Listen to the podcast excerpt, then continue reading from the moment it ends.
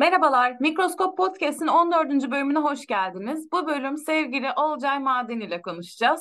Olcay, 2011 yılından bu yana çeşitli yayın evlerinde editörlüğün yanı sıra telif hakları yöneticisi olarak görev aldı.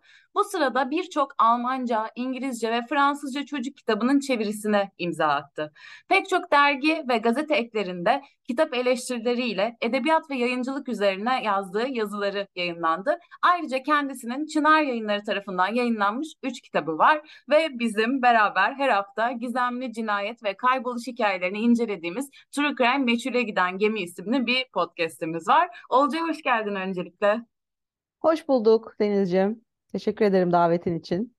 Ben teşekkür ederim davetimi kabul ettiğin için. Öncelikle yayıncılığın her alanında emek veren biri var karşımda. Bu aralar nelerle uğraşıyorsun? Yakında yayınlanacak çeviriler var mı? Elinde bir çeviri var mı? Var var. Ee, yakında işte ya en son e, kural dışı yayıncılığa bir çeviri yaptım. Şu anda yine onlara bir çeviri yapıyorum. Daha sonra Mundi ile devam edecek iki çevirim var. Sonra Çınar'la bir çevirim var. Devam ediyor yani çeviriler. Tam gaz devam. Süper. Peki yeni bir kitap var mı? Gerçi yeni kitabın yakınlarda yayınlandı ama yazıyor musun? Fırsat kalıyor mu daha doğrusu? Ya şöyle çok fırsat kalmıyor aslında zaman olarak. Aklımda böyle minik bir şey şekillenmişti. Böyle bir sayfasına başladım gibi hatta. Ama biraz daha onun zamanı var gibi. Bu sefer biraz daha uzun bir şeyler yazmak istiyorum. Bakalım. Bizim dergide bu ayki temamız zamane. Karşımda da senin gibi biri olunca çocuk kitaplarıyla ilgili soru sormak istedim. Yaklaşık 12 senedir bu sektördesin. Ne değişti sen başladığından beri? Yani çocuk edebiyatı sence nereye doğru gidiyor? Ya vallahi aslında şöyle e, ben başladığımda daha böyle e, yeni yeni böyle çok kaliteli çocuk kitapları çıkmaya başlamıştı ülkede. E, farklı farklı ülkelerden alınan özellikle teliflerle e, yani güzel bir şey yelpaze oluşmaya başlamıştı ama daha çok yeniydi. Ya geçen 12 yıl içerisinde bence çocuk edebiyatı açısından yani Türk çocuk edebiyatı açısından e, çok yani olumlu yönde bir ilerleme olduğunu görüyorum. Çok fazla yayın evi kuruldu çok fazla butik ve çok güzel işler yapan yayın evleri çıktı. E, tabii şimdi bizim bu yaşadığımız korkunç enflasyon ve işte ekonomik sorunlar sebebiyle bu butik yayın evlerinin özellikle pek çoğu zor günler geçiriyor ama e, yine de e, hepsi e, yani çeşitli fedakarlıklar yapıp bu e, üretimlerine devam ediyorlar. O açıdan bence e, yani özellikle yine çeviri edebiyat konusunda söyleyebilirim. Çok çok iyi bir alana ilerlemiş durumda. Türk e, yazarların kitaplarına baktığımda da yine o ilk başta böyle ben daha yeni başladığımda gördüğüm o hala kalan e, geçmişten kalan o didaktik yazım tarzı bir ölçüde törpülendi. İşte e, ben ve benim jenerasyonumdaki insanlardan insanların yazdığı çok kaliteli hikayeler, öyküler e, gelmeye başladı, artmaya başladı ve ilgi talep de çok arttı. E, sonuçta okur da gelişti aynı şekilde. E, ben bu yüzden e, olumlu bir ilerleme olduğunu düşünüyorum. Demin sen de biraz bahsettin. Enflasyon, kağıt fiyatları yani aldı başını gitti. Zamane piyasasının zorluklarından da bahsedelim mi biraz? Çünkü gerçekten çok zor ayakta kalmak. Ya tabii özellikle çocuk kitaplarında bunun etkisini çok fazla görüyoruz. Çünkü e, yani işte picture book dediğimiz işte bu resimli kitaplarda örneğin e, yani tam sayfaya varan renkli e, görseller oluyor ve e, bunların e, işte hem yurt dışından almak hadi yani yurt dışından aldığımız tarafını konuşayım birazcık. Yurt dışından almak bunların hepsi e, döviz bazında e, yapılan alışverişler olduğu için bir kere öyle bir zorluğu var. Sonuçta e, yani bizim yaşadığımız oranda büyük bir enflasyon yaşamıyor e, hiçbir ülke yani evet Avrupa'da yaşıyor bir tür bir oranda enflasyon ama bizimkisi uçmuş vaziyette. Bir böyle bir şey var. E bir de bizdeki yani tüm dünyada olduğu gibi bizdeki e, yani ya korkunç diyebileceğim bir e, kağıt fiyatı e, meselesi var ki pek çok kitabın e, hak ettiği kalitede basılmasını engelliyor.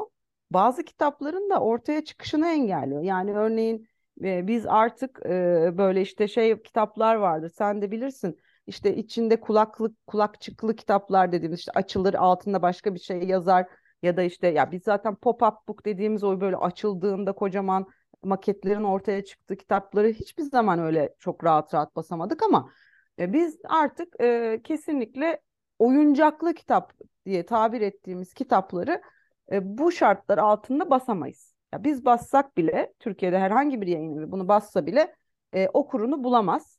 Kimse o kitabı alamaz. Dolayısıyla çok e, yani e, şey verimli yani çok çok iyi içerikler aslında şu anda e, bizim ulaşabileceğimiz mesafeden giderek uzaklaşıyor.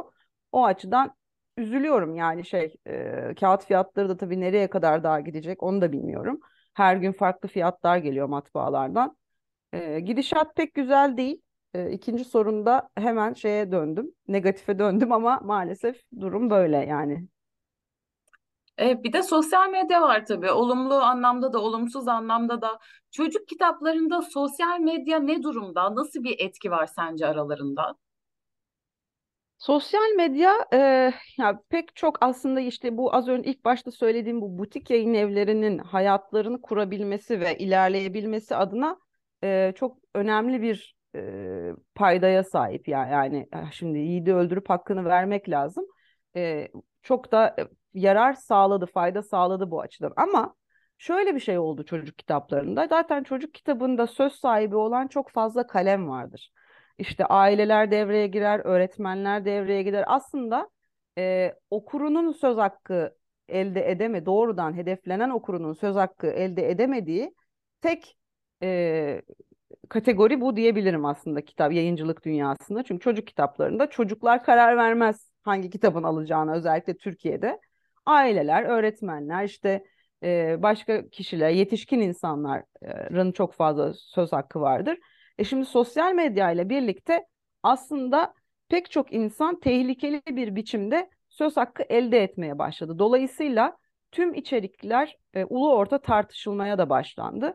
Yani sen de mesela kendi yayın evinde yaşadığın şeyler vardı. Ben çeşitli işte çalıştığım, çeviri yaptığım yayın evlerinde yaşadığım şeyler var ki en ufak böyle bir insanın canını sıkacak bir kelime yüzünden koskoca bir kitap yani işte hedefe alınıyor ve o kitap göz göre göre aslında işte tırnak içinde linç edilmeye başlanıyor ya da yazar aynı şekilde.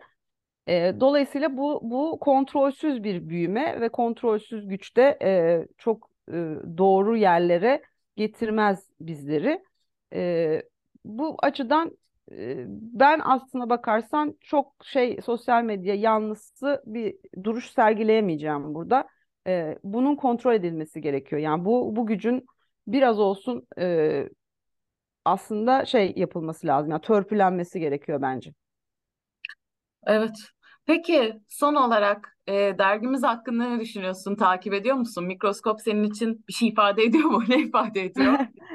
Tabii, tabii ki. Ee, ya mikroskop aslında böyle sanki bir e, boşluğu doldurmaya başladı ve o amaçla o, da ortaya çıktığını düşünüyorum ben aslında.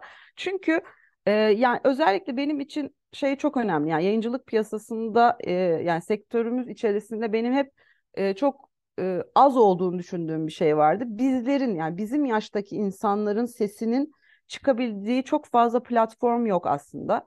Ve mikroskop da aslında bunu e, çok güzel bir şekilde sağlıyor. Yani farklı konular, farklı e, sesler, farklı görüşler ama aynı zamanda sadece işte bildiğimiz isimler değil yani işte bizim aşina olduğumuz isimler değil. Bizim yaştaki daha böyle e, yayıncılığa belki yeni başlamış, belki yayıncılıkla hiçbir alakası olmayan ama fikir sahibi olan e, kişilerin görüşlerini okuyabileceğimiz bir platform oldu.